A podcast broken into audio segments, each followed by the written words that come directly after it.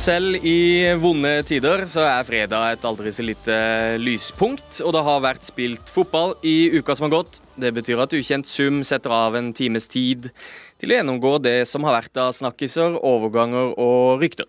Mitt navn er Jonathan Falk, og jeg har registrert at både spillere og eiere nå prøver å forlate Chelsea-skuta. Har prosjekt Xavi begynt å få beina å gå på?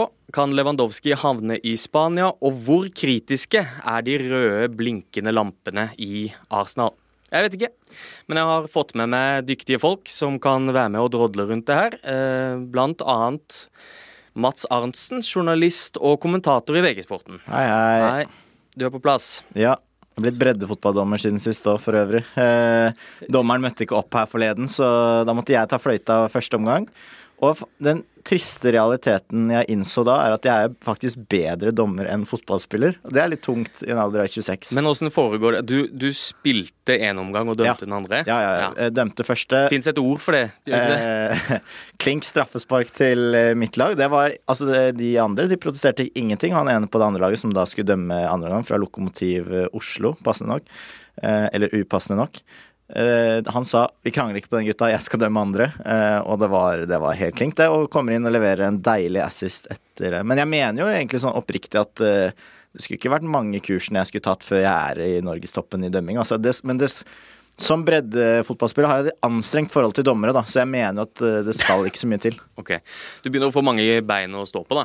Absolutt. absolutt. Det er bra, det. Vi sitter ikke her alene. Vi har gjest i dag òg. Eurosport-reporter Jonas Berg Johnsen, velkommen. Hei og hå. Hei og hå. Du, du minte meg på idet du kom inn døra her, at det er jo faktisk ikke første gang du gjester et podkastprogram jeg er leder. Nei. Eh, vi satt vel i bakfylla på studenten, eh, studenthuset Rocken i Volda i 2016 vi ble enige om. Ja, det må ha vært noe sånt. Eh, da snakka vi vel om fjas og kortfilm. Eh, litt mer eh, seriøse ting i dag. Vi skal snakke ja, om Og så var det jo bare noen måneder etter uh, The Budapest Gate med Per-Mathias Høgmo. Sant jeg mener at det også var litt Ja. tematikk Ja, det kan hende. Har du vaska bort de minnene, eller? Eh, ja, det går veldig fint. Blir det, nå har du, Du kommer jo rett fra et hektisk OL og rett ut i en verdenskrig. Har du hatt hvilepuls i 2022? Ja, godt spørsmål. Ehm, Jeg er jo mer opptatt av lanseringen av Eliteserien Fantasy enn av hva Putin holder på med i Ukraina. Ehm, Du er en av det Som de sier i God morgen Norge, selv om det er krig i Europa, så går jo verden videre på sine Så er det jo også og- fastelavn. Og min fastelavn er Eliteserien Fantasy, og at det bare er eh, fire uker til eliteseriestart. Ja. En strålende analogi. Du også følger jo tett eh, med på norsk fotball, Ja. Mats. Og siden vi satt her sist, så har du vært ute og reist. ja, det gikk bra, det. Kan ikke du fortelle litt om turen din til Bodø? reiste opp til Bodø.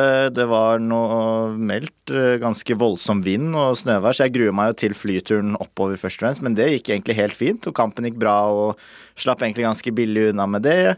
Eh, opp på trening dagen etter, fikk jo ikke snakke med noen fordi Bodø-Glimt ja, de altså, det er- blitt litt høye og mørke, eller? Det er litt vriene der. Altså, jeg var så, gikk- gikk visst ikke å snakke med noen Jeg måtte tas på telefon, fordi nå var det, kunne ikke ha noe smitte nå ditt og datt. Eh, men ja, skal ikke si for mye om det. Kom meg på flyplassen, snakker da med moren min, som ikke har snakket med meg for altfor lenge. Så det tar jo Hun er, skulle skravle litt, jeg har ikke hørt fra meg på lenge, og ikke mat snart og komme hjem og ditt og datt. Det veit du åssen det er. Eh, men nå må jeg gjennom securityen, så finne fram billetten min, og piper og skal inn der. Og da får jeg beskjeden 'wrong airport'. Fordi da, altså Wrong airport. Og jeg snur meg bak og ser på hun som står bak meg i køen, som ser på meg med de enorme øynene og litt sånn eh, Hva i alle dager? Står en idiot foran og får beskjed om feil flyplass. Um, og det viser seg jo da at jeg da har kjøpt to billetter, to enkeltbilletter fra Oslo til Bodø. Fordi det var jo bi mye billigere på Flyr. Jeg tenkte ikke over det. Altså det var 2000 kroner billigere, så jeg kunne jo kanskje tenkt at det var noe galt. Og det var jo fordi billetten fra Bodø til Oslo var mye dyrere enn Oslo til Bodø. Men jeg trengte jo ikke to fra Oslo til Bodø. da. Har du hatt lignende opplevelser, Jonas? En gang. eh, Da jeg fikk fram og tilbake til Bergen veldig mye da jeg jobba i TV 2, så hendte det en gang at jeg hadde en Oslo-Bergen-billett da jeg kom på Flesland. Og det er jo enda surere når det er i privat uh, gjøremål, mens når det er for arbeidsgiver, så er det jo en, en real feil, og du sender inn reiseregningen. De tusenlappene ekstra lukker du bare øya for, og så OK, shit happens. Men um, det er jo jævlig irriterende når man står der. Og Hvis man er ekstra uheldig, så er det jo enten smekkfullt eller ingen fly som går på veldig lenge.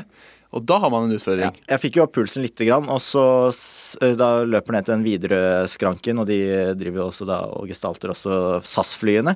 Eh, og flyet mitt, eller det neste, eneste flyet som går til Oslo da, på de neste fire timene, går om 20 minutter. Men da hadde jeg jo litt tur, da, for da ble det flyet utsatt. Først 15 minutter, og så 30 minutter. Så jeg kom meg jo med på det flyet som sistemann. Eh, så det var jo i hvert fall hell i uhell, da. Men går dommedagstanken gjennom hodet ditt? Sånn som gjorde at Dennis Bergkamp sluttet å fly etter en flyulykke Ja, til uh, det hadde du gjort i mitt hode. 1994. Du, med en gang du bytter et fly, så er det sånn Ok, er det det flyet jeg bytter fra som styrter, eller det flyet jeg bytter til som Ja. styrter? Ja, for- Eh, og så er det jo selvfølgelig usannsynlig at noe da det skjer, men eh, tankene er umulig for meg å Ja, for jeg har jo sånn Jeg har jo, ofte sagt for eksempel at eh, Altså, det er, og drømmen er jo nesten å bare på en måte dodge en sånn på et vis, da. Så man kan liksom snakke om det til det kjedsommelige, for da kan jeg bytte ut Ariana Grande-historien min, som er liksom min nærmeste nær døden-opplevelse. Den konserten i Manchester? Ja. Viktig. Ja, Ja, for du var der, Som alle Manchester-jentene på 12-14 år. Nei, men jeg tenker hvis jeg hadde vært i Manchester, så kunne jeg fort ha vært der. Fordi jeg syns Ja, var du i Manchester, eller var du ikke? Nei, men jeg ofte er jo av og til i Manchester. Så det er Ok. din Ariana Grande eh, nær døden-opplevelse? Jeg har vært i New York en gang, og av og til så eh, tenker jeg på hvor nær jeg faktisk var 9-11. Ikke sant? For jeg var i New York eh, på Tolv år etter. Ja, ja, ja. Tenk om det samme skulle skje igjen. Men ja, vi kan jo si med en gang, da, vi skal snakke mye fotball, men vi kommer til å prøve å la krig og elendighet eh, være, være en egen greie. Vi snakka mye om det tidligere i uka. Vi spilte inn en ekstra pod med, med VG-journalist Ole Kristian Strøm. Eh, hvis du lurer litt på hvordan krigen påvirker fotballen, så sjekk ut den halvtimen der. Han, Bare eh, 23 minutter, faktisk, så Ja. får du forklart det kjempefort. På en kommersiell halvtime, som vi sier på TV-språket. Helt riktig. helt riktig. Men eh, skal vi se på litt overskrifter, da? Vi må begynne i eh, Chelsea, eh, for det skjer ting både på eierfront og spillerfront. Eh, Roman Abramovic har bekrefta at han ønsker å selge klubben.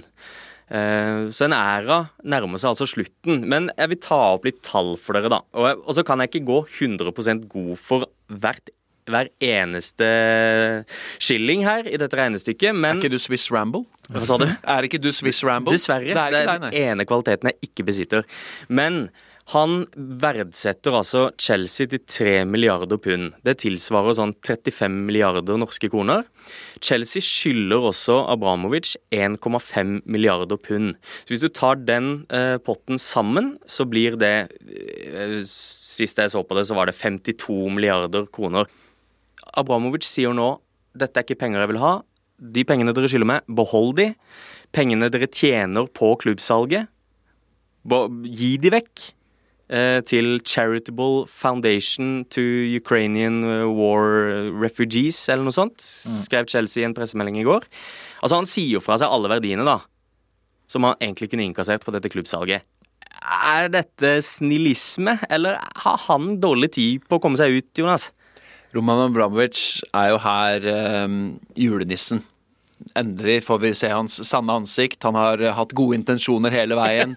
Eh, Chelsea og bostedsadresse i London har aldri vært hans eh, ticket eh, out of um, the oligarch hell, som potensielt kan uh, ramme de som enten går i opposisjon til Putin, eller som får uh, internasjonale myndigheter og skattemyndigheter på nakken.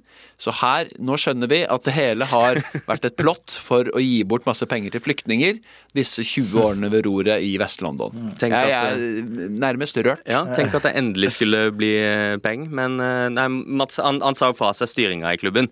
Eh, Ja, det skjedde jo først, og det Ja, var det litt sånn først, vag Ja. Det var ingen som- egentlig. Det virka jo litt mer sånn eh, Putin gir eh, ansvar til Medvedev-aktig følelse. At det var litt sånn eh, Det er noen andre som styrer, men ikke på papiret-aktig.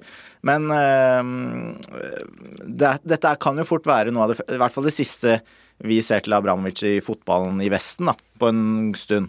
Eh, og da er det jo Ettermælet hans vil jo nå være på den måten han har gjort det på. At han går ut hos Chelsea-fansen. Han er jo ganske høy stjerne.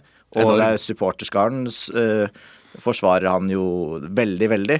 Uh, og det blir jo enklere å gjøre nå på måten han gjorde det på. Så hvis han da igjen skal gå inn i vestlige markeder osv., så, videre, så um, er det jo med et ettermæle her nå som er bedre enn det kunne ha vært, da, hvis det var at her måtte man gå med halen mellom beina pga. en konflikt mellom Russland og Ukraina. Jeg så et uh, intervju med, med Loftus Cheek og andre Chelsea-spillere òg i, i midtuka nå, som, um, som, ble konfrontert med dette, og de sa dette er veldig trist.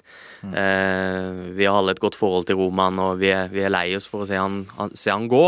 Uh, og på mange måter så har jo han forma fotballverden slik vi kjenner den i dag, da.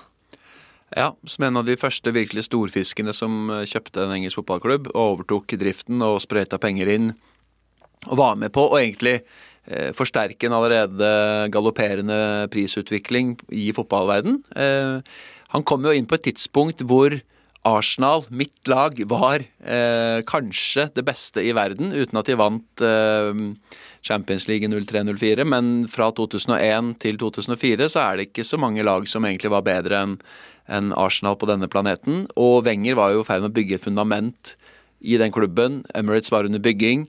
Man eh, bremset jo pengebruken av det hensyn. Og parallelt så kommer da Amramovic inn, og eh, toget bare tøffer av gårde. Som gjør at Arsenal jo egentlig aldri kom seg helt opp på den eh, dominerende hesten som eh, Wenger hadde sett for seg. da. Og Amramovic er jo hovedgrunnen til at Arsenal ikke har vært den største dominerende kraften, kanskje ved siden av Manchester United, da, i årene som gikk etter det. Eh, og så har jo det blitt veldig vanlig med den type eierskap og utrolig mye penger inn i andre sammenhenger, som gjør at man fort glemmer det litt. Men det var der det startet, som mm. gjorde at eh, prosjekt Wenger på Highbury og over Emirates ikke ble um, det man det han særlig hadde sett for seg. da. Men han var vel i nærheten, og han lukta vel litt på Tottenham også før han gikk på, gikk på Chelsea.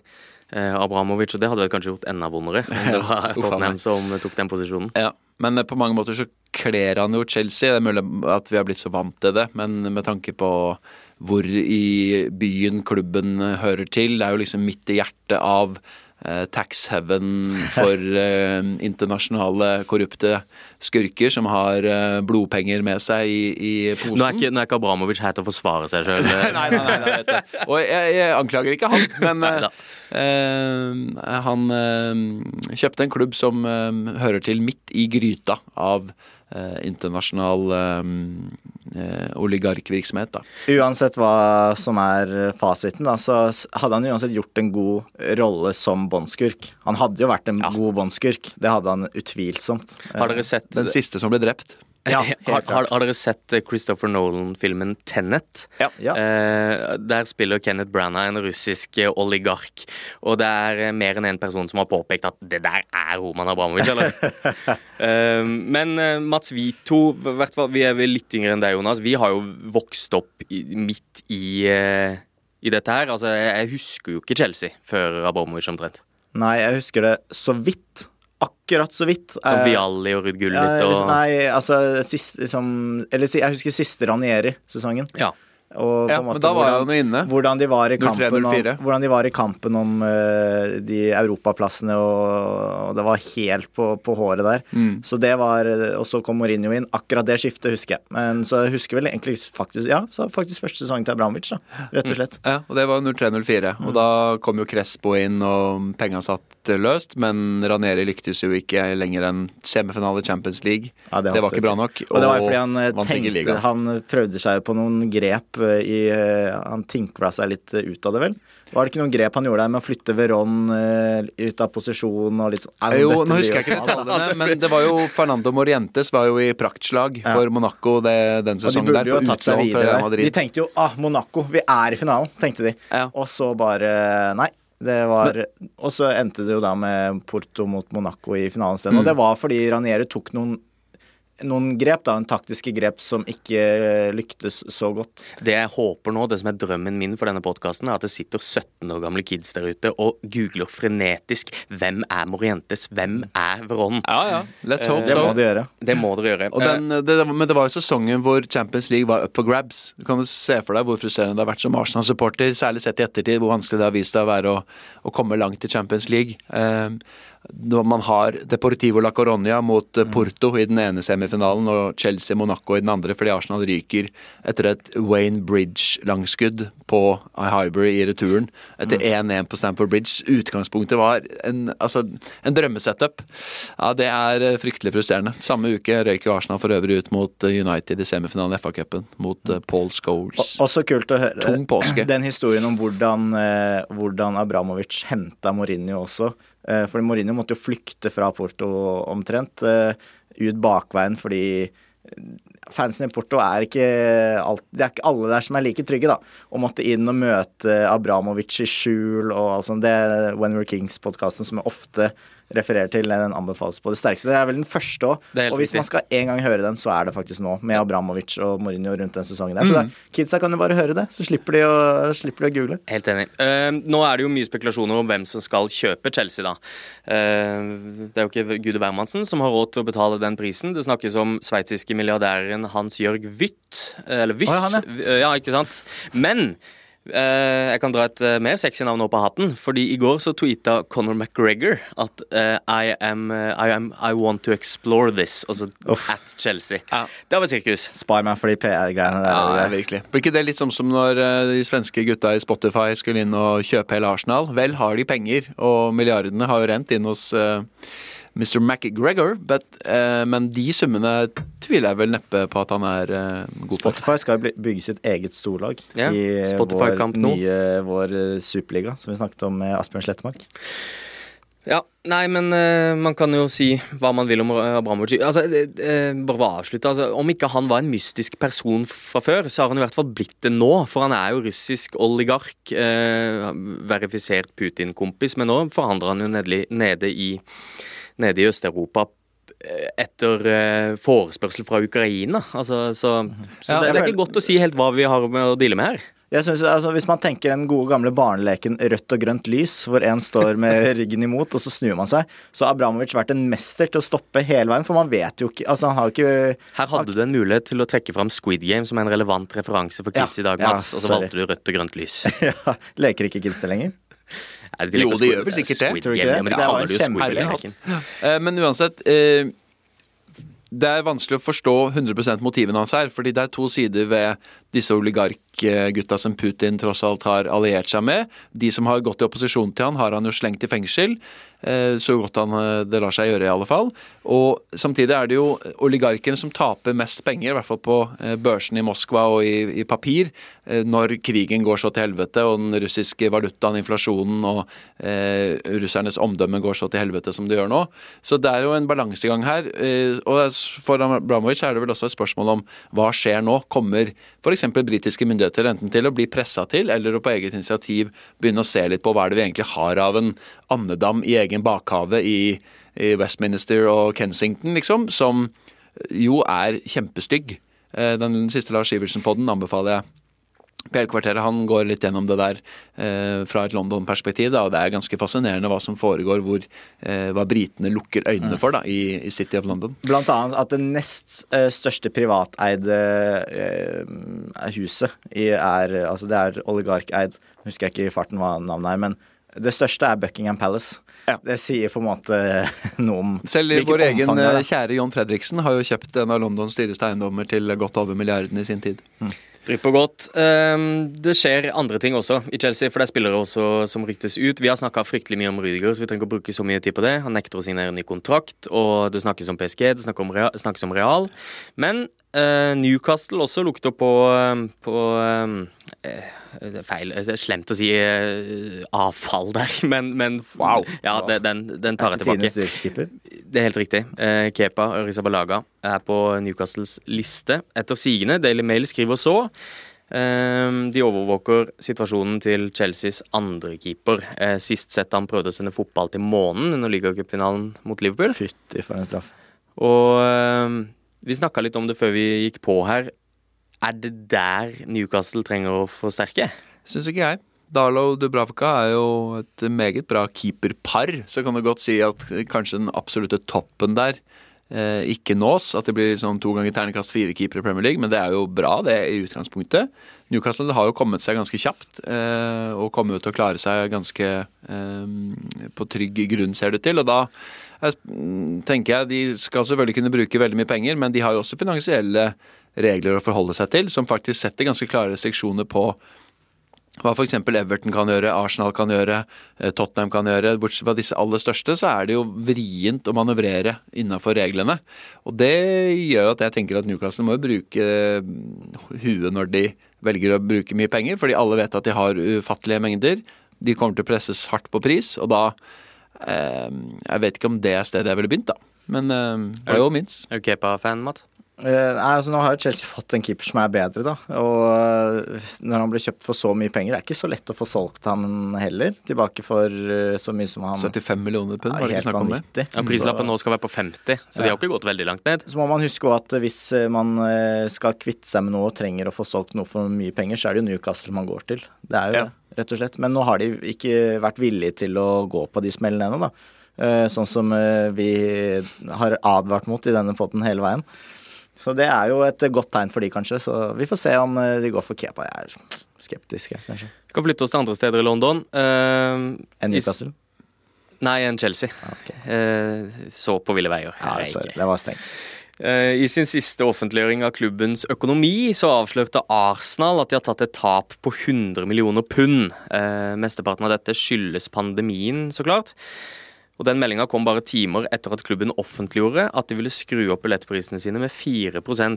Eh, neste sesong. Dette er jo ditt lag, Jonas, og du følger jo tett eh, med hva som skjer i Arsenal. Hvordan, eh, hvordan er stemninga der? Um, ja, det kan du si. Jeg tror at egentlig stemninga er ganske god.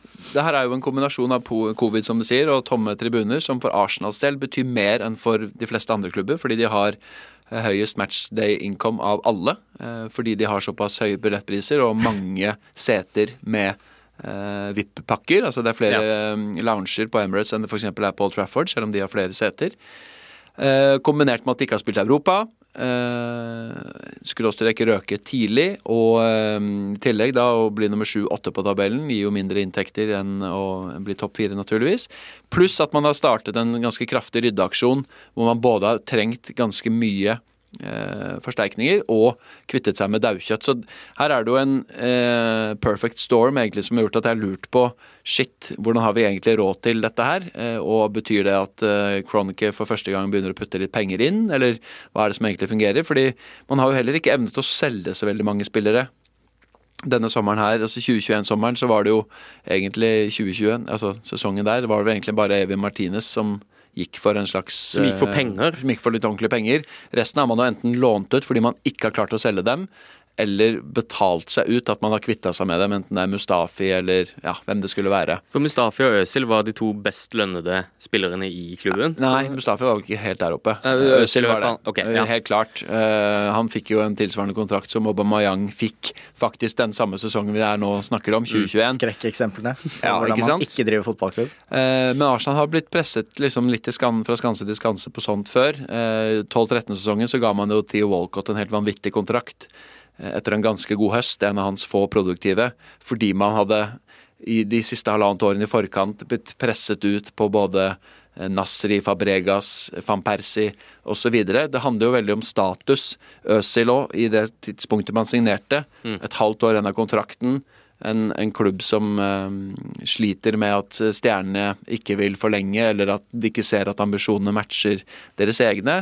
Og det gjør jo at agentene til disse spillerne sitter så på utrolig gode kort. Uh, I tillegg til at det har vært et tidvis kaos i det sportslige scouting og administrative, som en kombinasjon av personkonflikter og eh, koblinger mellom eh, særlig Raoul Saneli, som var innom der en periode, som jeg ikke stolte på en flekk, eh, selv om han hadde en bra, bra CV for Barcelona osv. Så, videre, så virket det som mye var agentstyrt en periode der, da. Og det er jo sjelden eh, godt for en så stor klubb som Arsenal, som overhodet ikke bør la seg diktere av enkeltagenter. Og de ser gode ut sportslig, og de har, jeg syns de har full kontroll på topp fire.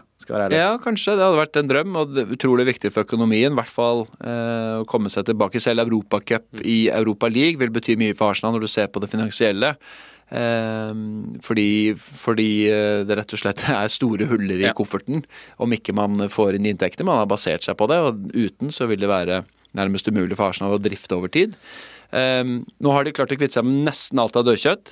Det koster jæklig mye penger å betale ut Kolasinac og kvitte seg med spillere på dyre kontrakter som man bare låner ut. Gundosi, Torreira, Rice Nelson, eh, Pablo Marie.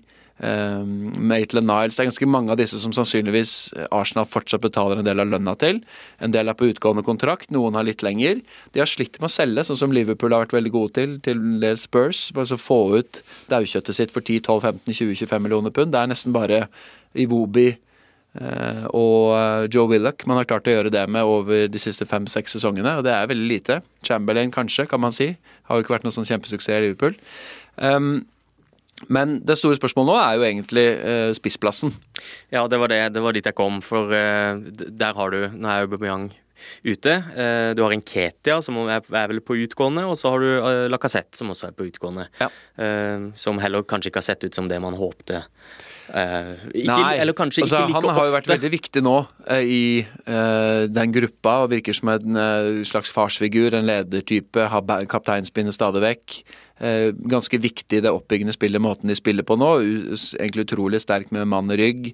Eh, god relasjonelt. Å spille med Aubameyang i den rollen fungerte jo aldri. Han må jo bare ha autobanen gjennom og, og løpe. og eh, fungerer ikke i det oppspillsfasen i det hele tatt. Lacassette har jo en sentral rolle nå. Problemet der er jo mangelen på mål og selv mangelen på skudd. Han har jo slitt med å komme til avslutninger fordi han er litt for treig. Litt, altså det, han har jo aldri blitt den megasuksessen man kanskje kunne håpa på i Arsenal. Det har jo vært mange år med sånn helt OK, liksom. Ja. Men mangla definitivt eh, det, det, helt store da, som har gjort at Arsenal jo har blitt nummer fire, fem, seks og sju med Lacassette framme istedenfor to, tre og fire. Napoli-spiss Victor Osimen, Ossimen, eh, hvis det er sånn du uttaler det. En nigeriansk utvisning ja. til Napoli. Eh, skrives å være aktuell, ifølge italienske medier. Her ble også United, Manchester United nevnt. Så er det Alexander Isak, da, som er sånn eviggående ja, greie. Absolutt. Han blir jo, ingen av disse blir jo billige. Isak særlig har jo en voldsom utkjøpsklausul. Nesten urealistisk, ser jeg for meg at man skal klare å løse ut den. Du har den åpenbare linken selvfølgelig med Martin Ødegaard fra de uh, spilte ja. sammen i Real Sociedad. Jeg syns han har altfor få mål egentlig til å forsvare en sånn prislapp. Han er ung og kan jo komme dit, men jeg syns ikke det ser ut som at han har den der naturlige goalgetteren i seg, at han kan banke inn 20-25 mål i Premier League. Jeg kan selvfølgelig ta feil.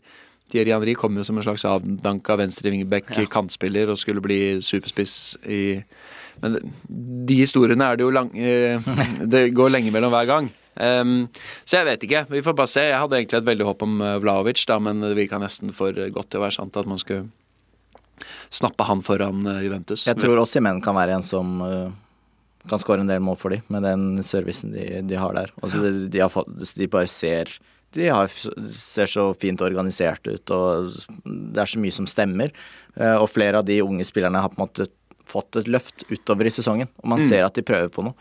Uh, så der har de noe på gang. Så de må bare finne en spiss. Jeg tror Simen f.eks. er et bra forslag der. Ja, og uh, i, for, i, fjor sommer så gikk man jo knallhardt ut, brukte veldig mye penger, så regnskapsåret for 21-22 kommer nok heller ikke til å se bra ut. Uh, selv om man har kvitta seg med litt lønningsposer som type Aubameyang, som du nevner, så er jo fundamentet veldig på plass nå, da, med en ung kjerne av spillere. Det er jo et av de yngste mannskapene i Premier League. Eh, med Ramsdale, Tomiyasu, White, eh, Gabriel og, og Tierney, som har helt OK backups i Cedric, eh, Holding, Saliba forhåpentligvis til mm. sommeren igjen etter tre år på utlån og mye rot, og Tavares. Det er jo OK, liksom. Og så har du en midtbane der hvor Chaka er Chaka, men Iris Boredis han har fått utrolig tillit av tre høyst kompetente managere over mange sesonger. Det er noen mangler der, men et eller annet gjør vel at han får spille så mye. Men så er det også et eller annet som gjør at uh, ingen andre vil kjøpe han, og Roma ville jo så vidt hoste opp vekslepenger i fjor sommer, som gjorde at Arsenal endte med å ikke selge likevel. Og det er jo vanskelig å, å finne tung kvalitet der som fungerer. Altså nå har man hatt uh, Willoch, Gundosi, Torreira, uh, Maitland Niles. Egentlig en helt ok rekke Mellomjølk, som Jokke Jonsson kaller det. Ikke sant. Eh, men flere av disse har jo hatt egenskaper som jeg har likt veldig godt men som kanskje ikke har uh, fungert. Og, og managerne har jo sett på felt at vel, det er ikke bra nok. Thomas Party har jo slitt veldig med skader, men hvis han kan komme godt i gang, som det ser ut som han er litt på vei til å gjøre nå, så er jo han også en klassespiller. Og så er det de unggutta som du har nevnt, Mats, eh, som gjør at det det er, veldig god grunn til å ha litt trua på dette her, da. Mm. Eh, I tillegg til at jeg håper at man kan rydde opp enda mer til sommeren. Du har jo disse som er på utlån, så kanskje man får solgt enda flere. Leno blir nok solgt. At man kan hente inn enda litt mer cash som kan være med å finansiere da den ene siste store puslespillbrikken som er eh, en ny spiss. Um, topp fire-kampen blir jo spennende nå. Arsenal er to poeng bak Manchester United i snakkende stund med tre kamper mindre spilt. Eh, Så de har jo muligheten til å dra fra her. Tottenham er det fra uke til uke. Plutselig så ser de fantastiske ut og er skaper masse offensiv, men de slipper også til har sluppet, Spesielt i det siste har sluppet til mye sjanser. Ryker ut for Middlesbrough. Conte mener at laget er det beste i verden, og så er det det verste i verden. Og så, så, Ja. Sånn kjøret går der. Conte allerede litt tidlig på tuppa, liksom fram og tilbake i Litt, hvordan han uttaler seg? Men er han ikke litt sånn for å få litt sånn dra i gang ting, da? Altså, det, finnes, det finnes jo eh, bilder som kan antyde at han på et eller annet tidspunkt har foretatt seg en hårtransplantasjon. Kan og det spørres, eh, det spørs om ikke han snart trenger en til, for Ja. Ser ikke ut som det er sunt for han. Nei. Men han har jo på en måte kommet Han er veldig glad i å bruke penger og at det skal få inn sine folk. Så da er han kanskje litt i feil klubb, med Ja. eierskap som er gniende. Mm. Eh, Vi- Så den, den topp fire-kampen blir spennende. Jeg tror Arsenal tar den fjerdeplassen.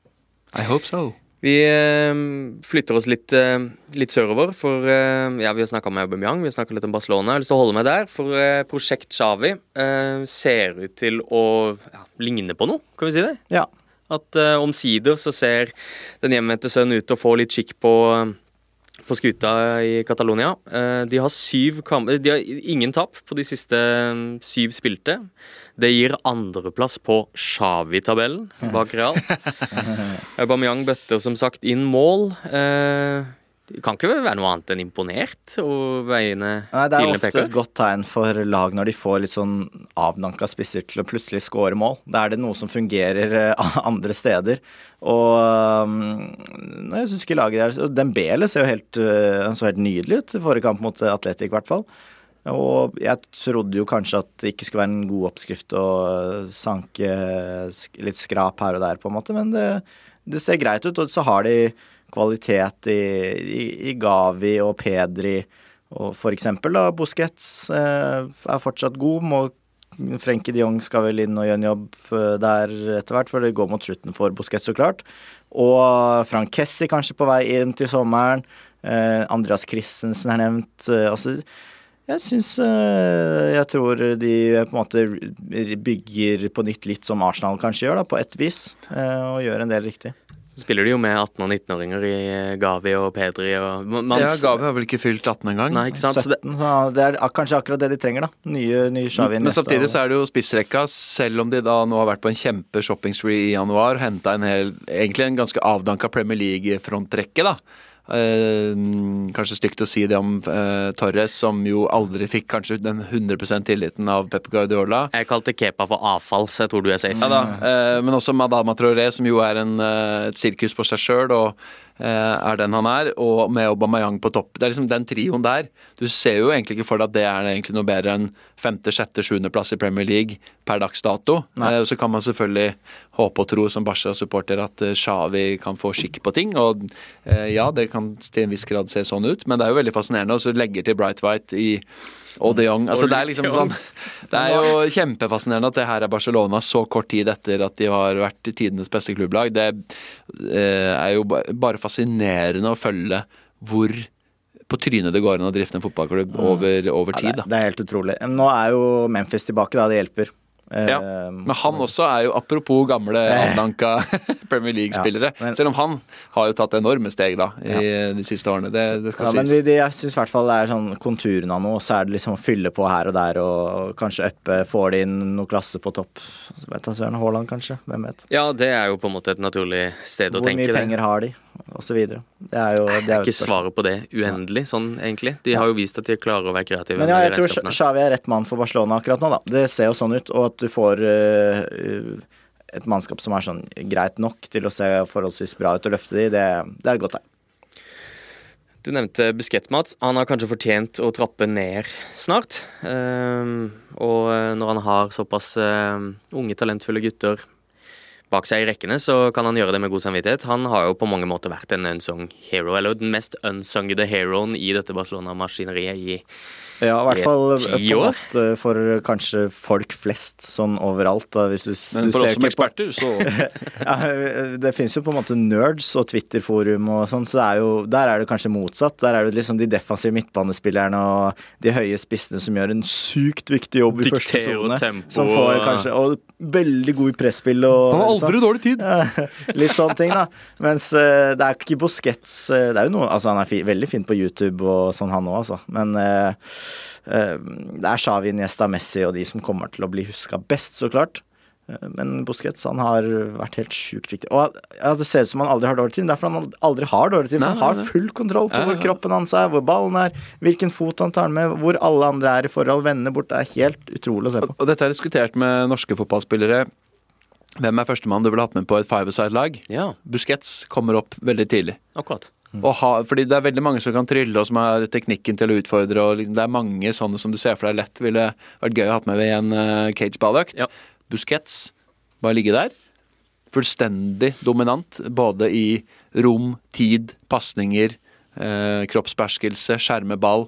Jeg ser jo den. Altså, Jævligere spillere møte i eh, fire mot fire i Nydalen kan jeg ikke se for meg, nesten. Det er helt umulig å ta fram ballen. Jeg husker jo eh, Da jeg jobba i TV 2, så spilte vi en del fotball eh, på Nordnes der, på en kunstgressbane. Å møte Klaus Lundekvam i duell Altså, det gjorde så vondt. Fordi uten at han gjorde noe annet enn å bare være der. Full, full, full kontroll. Det var ikke sånn at han dundra inn 30 mål på hver økt. og Han lå nå stort sett bak i banen, men det var nesten umulig å komme forbi. Og hvis han hadde ballen, så mistet han den ikke. Og han er, var jo en, liksom en kjøttmidtstopper. Eh, men det sier jo litt om Han var så god, så jeg bare kan drømme om hvor gøy det hadde vært å møte Busquets liksom på nært hold. Da, prøve å spille mot ham på en midtbane. Det er noe fascinerende med, med folk som har vært i gamet lenge, og, og man ser at du bare har noe ekstra som, som ikke er mulig å få på andre måter enn å spille fotball på det nivået der. Ja. Jeg hadde, Da jeg var juniorspiller hjemme på Sørlandet, så hadde Arve Sæland, tidligere landslagsspiller og, Du, altså, du, Apropos navn kidsa husker ja, eller ja, ja, ja, ja, men Det er derfor jeg forklarer, ikke sant? Tidligere landslagsspiller. Arve Sæland, hvor mange landskamper hadde han? Uff. Var det eh, under Tor Øste Fossen på 80-tallet? Sånn. Dette er? Ja, typ. Eh, Ja. Spilte I hva- alle dager Ja, ja, har dette blitt for en pod. Eh, Kids, Arve Sæland, han var Han Google it. landskamper. Spilte, ikke få svar. spilte uh, mange kamper for Start. Spilte i en klubb i Frankrike som ikke fins lenger.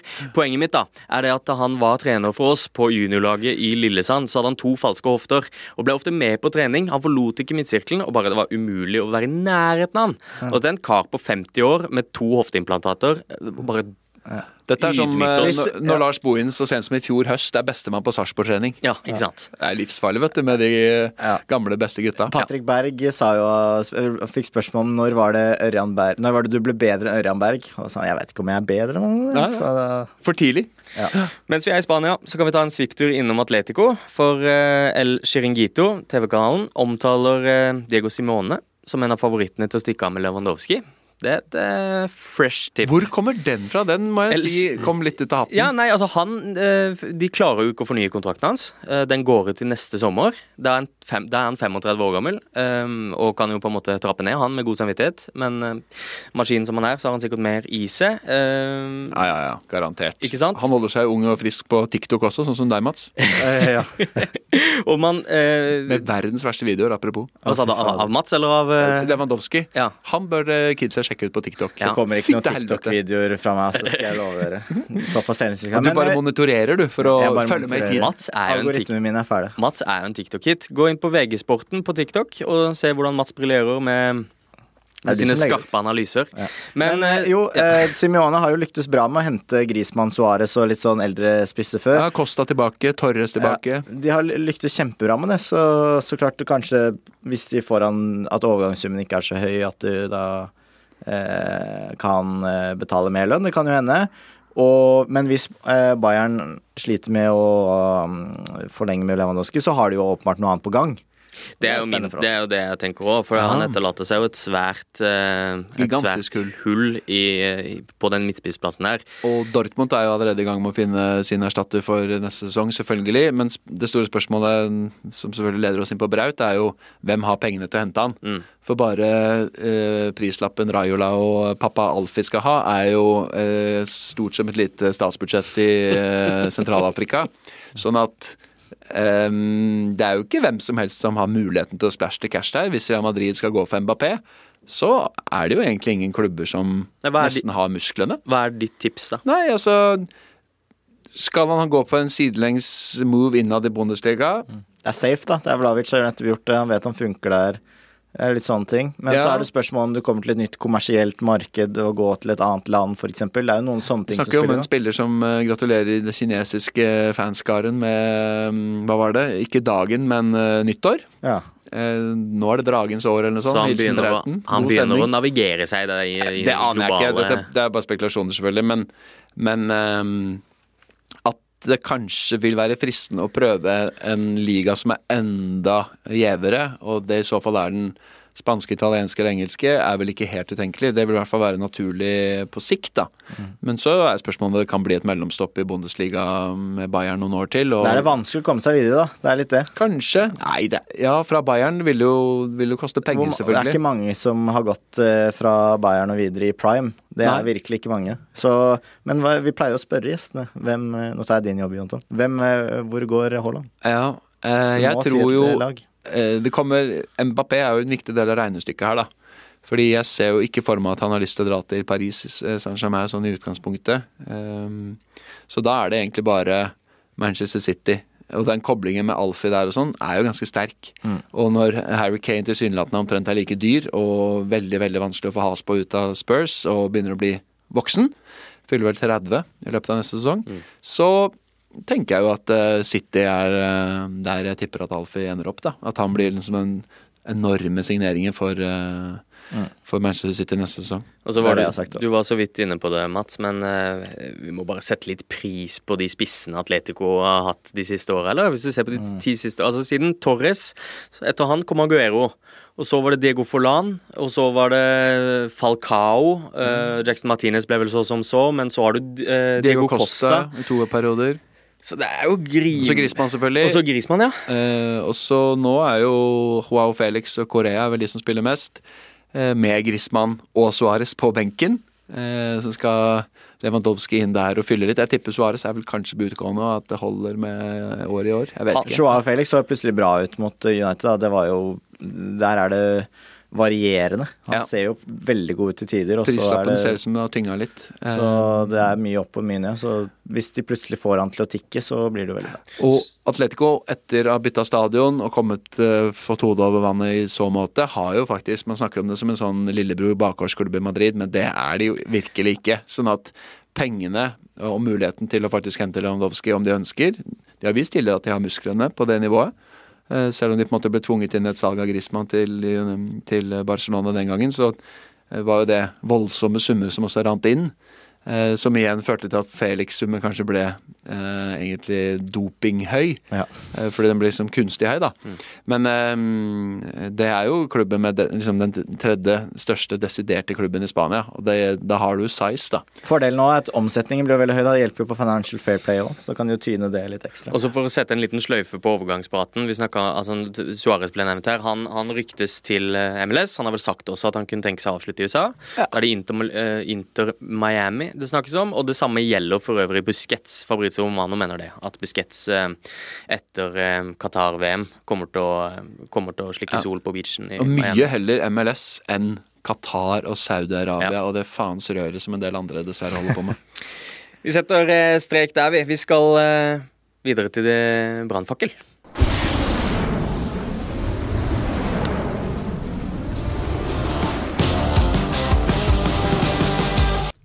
Brannfakkel er, eh, Jonas, et, eh, et trygt lite rom hvor du eh, kan slenge rundt deg med dine mest kontroversielle fotballmeninger. Og kjenner jeg deg rett, så er ikke du redd for å rasle med sablene? Nei, men husker jeg også en Veldig mange tror at vi journalister skal være helt nøytrale og objektive i alt vi gjør. og at vi aldri kan sitte i et studio og skravle eller lire av oss meninger. Eller hva, Mats? Eh, ja. Det er det. Eh, men det- er, man, må, man må være litt lur og vokte seg. Det er måter å komme seg rundt på. på Absolutt. for verdien. Jeg tenkte å slenge i bordet at uh, jeg mener at NFF og Nils Fiskekjøns håndtering av uh, hele cup-kvartfinalestyret med um, Ålesund og Glimt eksemplarisk håndtert. Her dyrker vi at et av våre store lokomotiv for tida får den optimaliserte eh, oppladningen til å lykkes med å gå videre fra AC Alkmaar-oppgjøret. Eh, ingen hadde kanskje planlagt eller sett så langt fram i kula at man skjønte at Jo Glimt kom til å feie banen med Celtic. Nå trenger Glimt å få noen dager på gress mellom de to oppgjørene og dra til Ålesund og spille en ny kamp på, på kunstgress i mellomtida der. Det passer ikke. For gi oss konteksten her. Eh, NFF satte opp Glimt mot Ålesund. Ja. på søndag. Eh, for den er flytta eh, Kampen skulle da egentlig gå mellom eh, kampene mot Aset Alkmaar. Den første er nå på torsdag, og den neste er uken etter. Så ble kampen, cupkampen mot Ålesund flyttet til førstkommende søndag. Altså, Flyttet fram? Fram, ja. Mm. Eh, til denne helgen. Ålesund eh, sliter med skader, covid eh, annet, og sier at de kommer ikke til å stille. Ja, og De har til og med avlyst treningskamper og sånn, fordi de har fått sitt skikkelig første store koronautbrudd i disse tider. Og er ordentlig på felgen. Og i utgangspunktet få framskyndet en kamp åtte-ti dager er jo noe man helst bør ha god varsel på, selvfølgelig. Um, men er det ikke på tide at vi kaller en spade for en spade? De store klubbene, de som er i Europa, de som har vist at de har noe eh, å tilføre i norsk fotball, noe vi kan være stolte av, noe vi kan stille oss bak, en hel landsdel. Eh, Bodø-Glimt som bare turer på dro til Spania, gjorde seg upopulær i fjor. Se hvor eh, langt det har brakt dem. Å være nådeløse på hva som gjelder å optimalisere forberedelsene for seg og sine. Kjetil Knutsen er dønn 100% nådeløs der. Den strategien har fungert bra for Glimt til nå, og eh, ved at Glimt da ikke sier sånn Nei, beklager Ålesund, beklager forbundet, dette ble jo litt kleint. Eh, vi eh, velger å spille kamper på oppsatt tid, det får være grenser, liksom. Nei, nei, kjør på! Vi optimaliserer, forbundet legger til rette. Og tenk deg hvor store baller du må ha for å være eh, i NFF-ledelsen og legge ballene dine på bordet og bare stå i det. Ja, det er en ut- eh, utrolig upopulær avgjørelse, men ikke faen om vi skal la oss bite på nesa her. Vi rikker ikke. Ikke en tomme. Vi kjører på. Fett! Her har du jo satt meg du, Som du var inne på, du satt meg sjakkmatt med en gang der, så det var jo bra. Men da tar jeg heller rollen som motdebattant for, bare for uh, dynamikkens skyld her. Uh, for det første, er det ikke litt dumt, hvis man vil optimalisere, er det ikke litt dumt å legge mot et covid-ramma lag fire dager før du skal møte Aset? Jo, men uh, nå er jo inkubasjonstid og smittefare og sånt, og det har vi ganske god kontroll på nå, Mats. Og når Ålesund da velger å sende juniorlaget sitt, eventuelt de andre som ikke har vært rammet av covid, så ville ikke det vært noe problem. Og uansett, man tvang jo Ålesund til å avlyse matchen. Med andre ord, perfekt oppladning for, eh, for Glimt ja, å er- jo slippe ekstra tur kyr- til Sunnmøre. Men alle de andre lagene i Europa har jo også kamp imellom. Absolutt, så dette er jo noe vi bør tåle. Eh, Men eh, det som ikke tas med i beregningen når han Christian Stenerud i Sunnmørsposten, som hadde funnet ut av dette, at eh, 27 av 28 lag jo skal i aksjon i mellom de to oppgjørene de har torsdag til torsdag, det er jo at ingen av disse lagene, nærmest, er nødt til å ha gress-kunstgress-tilvenning. Glimt har nå riktignok spilt en kamp på eh, tur til eh, Glasgow, men for øvrig så er det dårlige treningsmuligheter for gress oppe i nord. Og mm, den uka trenger Glimt til å eh, rett og slett tilvenne seg de deilige gressmatter. Men kan ikke Glimt også bare sende ut på elleve nye, på en måte? Har de ikke bred nok Jo, de kunne jo selvfølgelig De har jo flere spillere som ikke er eh, registrert i troppen. Altså. Absolutt, og de har jo nå en veldig feit stall. eh, Og til vanlig bruker de jo veldig liten del av den stallen i, eh, i tellende kamper. Så det er for så vidt et argument som jeg tar til meg. Uansett, det kan ikke NFF ta hensyn til. Når de får en henvendelse fra Glimt om å flytte kampen, så er det det de må forholde seg til. Mm, Men det, det som er for norsk fotball, er jo at det Glimt gjør i Europa, vil jo da dryppe videre på norsk fotball i form form av ranking osv. At man kan få med flere lag, Yes, kommer lenger ut i Som runder, igjen sånn. vil gagne Som det- Ålesund på sikt, når de kommer seg ut i Europa igjen og kommer tilbake til de gode, gamle Kjetil Rekdal-dagene. Hvor uh, han er jo fortsatt bitter på at eh, de hadde så tøft kampprogram den ene sommeren etter å ha vunnet cupen. Om det var 2010 eller i 2012, en av de somrene der hvor uh, de lå an til å ta medalje nok et år og var helt med i tetstriden, men så ble det jo da europacupkjør. Det er jo ingen norske klubber som tør eller tåler eller makter å spille det de kaller tre kamper i uka, som jo er den største bedraget som eh, eh, farer over norsk fotball som en mare. Tre kamper i uka! Det er ikke tre kamper i uka! Det er i så fall én kamp den neste uka, da. Det er to i uka! Det er jo aldri tre! Den eneste som har spilt tre kamper i uka, var jo da Tottenham med Mourinho måtte klemme inn en ekstra ligacupkamp i den fasen hvor de kvalifiserte til Europa League i fjor høst, i nei, sommeren høsten 2020. Da var det søndag, tirsdag, torsdag. Det er tre kamper i uka. Søndag, torsdag, søndag. Det er ikke tre kamper i uka, det. Det er to kamper! Det er en ny uke når du begynner på søndagen. Ja, og innimellom kan det hende at du har søndag, onsdag, lørdag. Da er det tre kamper akkurat den uka, men da har du jo maks én kamp neste uke igjen. Så det er jo ingen som over tid spiller tre kamper i uka. Det er en, det er en løgn! Nei, Det er derfor man også når man drar på sydenferie, man må ikke si at man skal være der en uke, man skal være der seks netter. Man må regne det i netter, for det går ikke helt rundt. Det er, det er ikke sånn det funker. Nei. Men dere burde jo ha jeg merker dere burde jo ha sportsdebatten, eller fotballdebatten. Burde være et nytt program, konsept Ja. for dere. Hvor, Nytt, eh, nytt er det ikke, for det lagde vi da vi begge jobba i TV 2-sporten back in the day. Så lagde Ja vi nettopp det. Eh, Sportstabloid. Kunne vi hatt Ja, riktig. eh, Lars Arne Nilsen og Kjetil Knutsen Ja, og Stenrud? skulle de så fors- skulle de forsvart de dette her med tre kamper i uka? Mens jeg sitter her som en passiv nikkedukk nikkedukke og Ja, men eh, akkurat det der, spørsmål. jeg prøver å arrestere det hver gang jeg får det på lufta nå. Eh, noen som snakker om tre kamper i uka, så skal jeg så jeg prøve å arrestere. Stå i den. Stå i den. Ja, ja, ja. Det er min, eh, det er min Bengt Eriksen versus Dag Eiler Fagermo. For et øyeblikk. Vi skal videre, vi. Vi skal videre til eh, drømmeovergang. Og drømmeovergang er fritt spillerom for gjest å ta med seg den overgangen han eller hun eh, ønsker skjedde. eh, En overgang de husker eh, nært og kjært. Mm. Uh, Ja, som faktisk skjedde, eller som ikke skjedde. det kan være begge, begge Ja. deler. Altså En du skulle ønske skjedde, en som kanskje skjer, en du bare husker godt. Og, ja, det kan være litt hva som helst, egentlig. Her var det en, eh, utfordring, oppgave, som tok meg tilbake til alle disse årene da Wenger satt gnien på lommeboka på Arsenals vegne pga. Emirates-utbyggingen. Når når er vi da? Eh, Det er egentlig startet i forbindelse med oppløsningen av The Vincibles 04-05-06 der, eh, hvor man i så mange sesonger var én signering unna å være et lag som kunne vinne tittelen. Arsenal var jo veldig ofte to og tre disse sesongene. Eh, 07-08 ledet man med ganske mange poeng, så ble Duardo eh, skada, brakk eh, leggen, og plutselig så kasta man det hele bort. Man var i semifinalen i Champions League 08-09 med Almonia i mål. Altså Det var en del sånne sesonger hvor man trengte enten en keeper for å erstatte nevnte Almonia, som var en eh, altså C-vare fra, fra de spanske breddegrader. Man hadde en periode hvor man kun mangla én stopper. Men istedenfor kjøpte liksom Skilacci og Silvest og brukte sånn peanøttpenger, men sikkert litt, fordi eh, man ikke turte å gønne på på den virkelige stopperen. Og ikke minst så var det et par sesonger man mangla spiss, hvor man istedenfor henta Ashavin, som jo ikke var en spiss, men kunne bidra offensivt, ja. Eh, Så det var mange år der hvor jeg eh, var utrolig frustrert da, over den hele tiden mangler én signering-greia. Og eh, nå føler jeg litt at vi er tilbake der Ja, for Arsenal for nå nå. er det nå er det den ene spissen som mangler for at det kanskje kan Dra bli på, virkelig, liksom. Virkelig bra. til fant. Drømmeovergangen er jo Erling Braut Haaland! Ja, ikke sant? Det er jo det! Arsenal henter Braut Haaland til sommeren. Alf Inge Haaland er Arsenal-supporter fra gamle dager. Riktignok eh, er Braut født i Leeds, og eh, Alfie har vel fått et veldig tett forhold også til Manchester City. Men tenk Brauten, da! Følger i fars fotspor. Vokste opp sikkert i Arsenal-sengetøy med Henri på veggen. Inn der! Vei i vellinga med Arteta. Den drømmegjengen bak dem med Saka, Smith-Roe, Ødegaard, eh, Martinelli osv.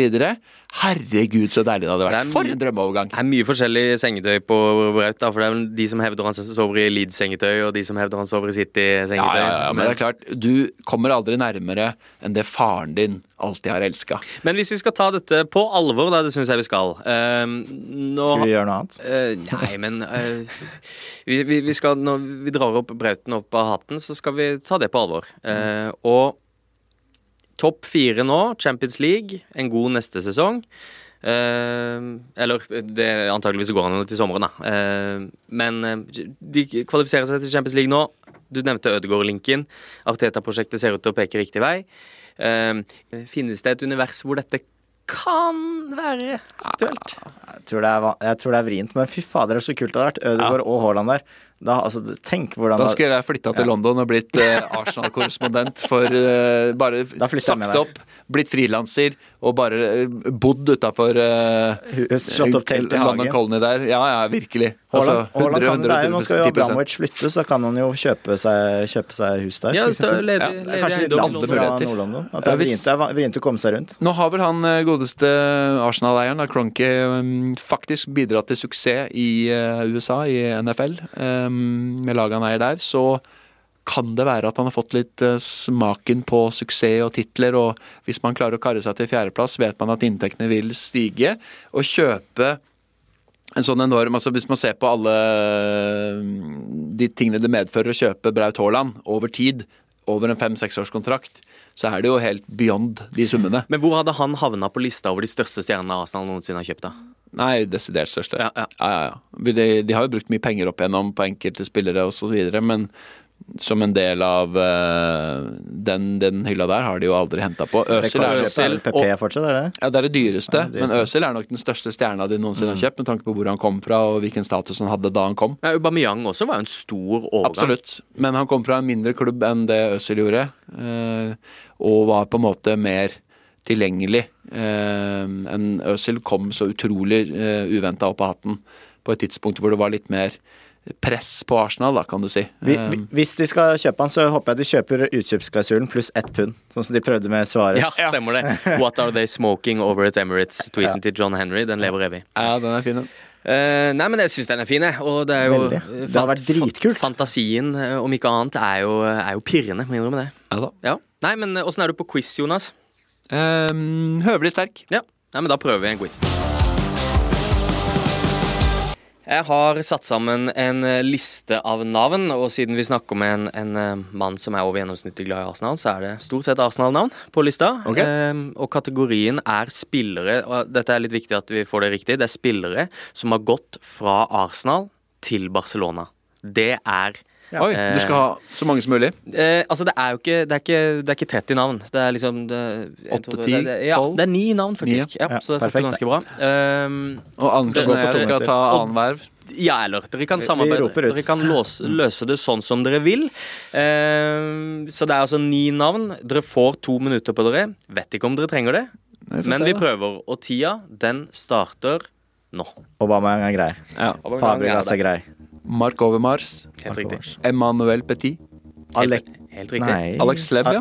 Alex Lebb, var det du skulle si? Jeg skulle til å si Alexis Sanchez. For han gikk andre veien. Det var sånn det var, Yes. ja. ja. Giovanni van Bronckhorst. Helt, helt riktig. Dette er jo det, Jeg lurer på eh, Thomas Harmalen. Gikk han rett til Barcelona? Helt Han riktig. gjorde det. Da mangler dere altså bare dere, Det ser ut som dere mangler én. Ja, Nei, vi mangler ikke to. Eh, kan ikke telle. nei, det ser ut som dere mangler én, ja altså. vi har nok åtte nå. Song, så vi han. Ja! Sant. Eh, quizen kan vi jo bare avslutte. Alexander! Uh, og så var jeg litt spent på om uh, Ja, da avslutter vi quizen. Takk til den. Uh, blir ferdig tidlig i dag. Men eh, det jeg var litt spent på om dere skulle nevne, er Sylvinio. Eh, for han gikk jo eh, fra Arsenal, men var innom Celta Vigo først. Yes. Og gikk da videre til Ja, ja, Barcelona. ja. Han hadde jo, plutselig hadde jo ikke han riktig pass, så han var jo egentlig stjernebekken før Ashley Cole kom inn opp bakfra der. Lebb hadde ikke jeg kommet på uten deg, altså. Sier dere Nei, du Lebb? sa jo. Alex ja, Du holdt på å si Alexis, du. Ja, ja, men vent litt. Alexander Klebb. Ja. så var det to Alex Den hviterussiske- ja, ja, jeg husker han, men, men han heter da vitterlig Klebb? HLEB. Jeg vet det, sånn det skrives, men det uttales Hvordan de uttaler det viser i sånn? Hleb? Nei, jeg vet ikke. Er det Det er i hvert fall ikke Alexander I hvert fall ikke Hleb. Det kan, det kan godt være. Alexander Klebb. Det høres ut som noen på Twitter. Ja, det, og det, Ja, samme det. det skal det ikke være. Eh, men vi er ganske fornøyd med at vi tok alle såpass kjapt. Det var jo var Alex Song hadde jeg måttet grave litt i, men det var jo en periode der hvor Arsenal eh, nærmest eh, fungerte jo som farmerlaget til Barca. Ja. Og City. Og øh, hadde en vane å tape stygt for de i Champions League. Også. Ja da, det var et par tilfeller. Men det ene året så blir vi jo faktisk fradømt en mulighet Oi. til å slå dem ut. Ja. Eh, Da Ashavin nevnte hadde sørget for 2-1-seier hjemme, da Jack Wilshere spilte fletta av Savio Iniesta. Og van Persie sparka bort ballen. Ja, i returoppgjøret der.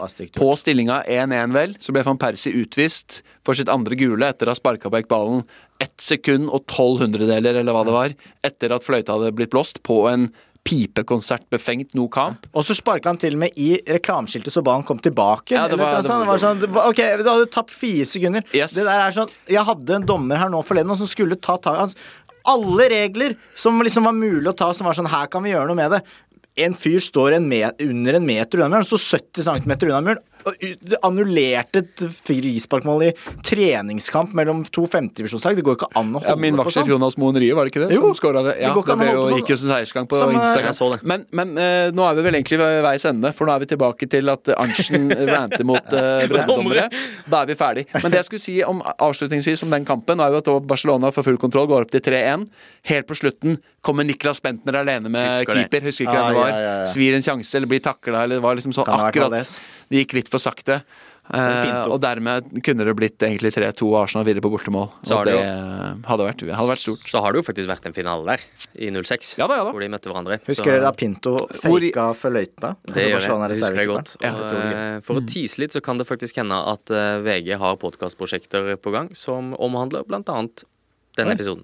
Skal ikke si mer om det. Wow! Ja, så en Oi, liten du er, en, eh, er du en pungkiler, Jonathan? Ja, jeg liker å ta på meg pungkildrakta når det nærmer seg helg. Eh, Jonas, det er har vært en ære og en glede å ha deg på besøk. Åh, nå, er, nå kan det bli helg. Nå kan det bli helg.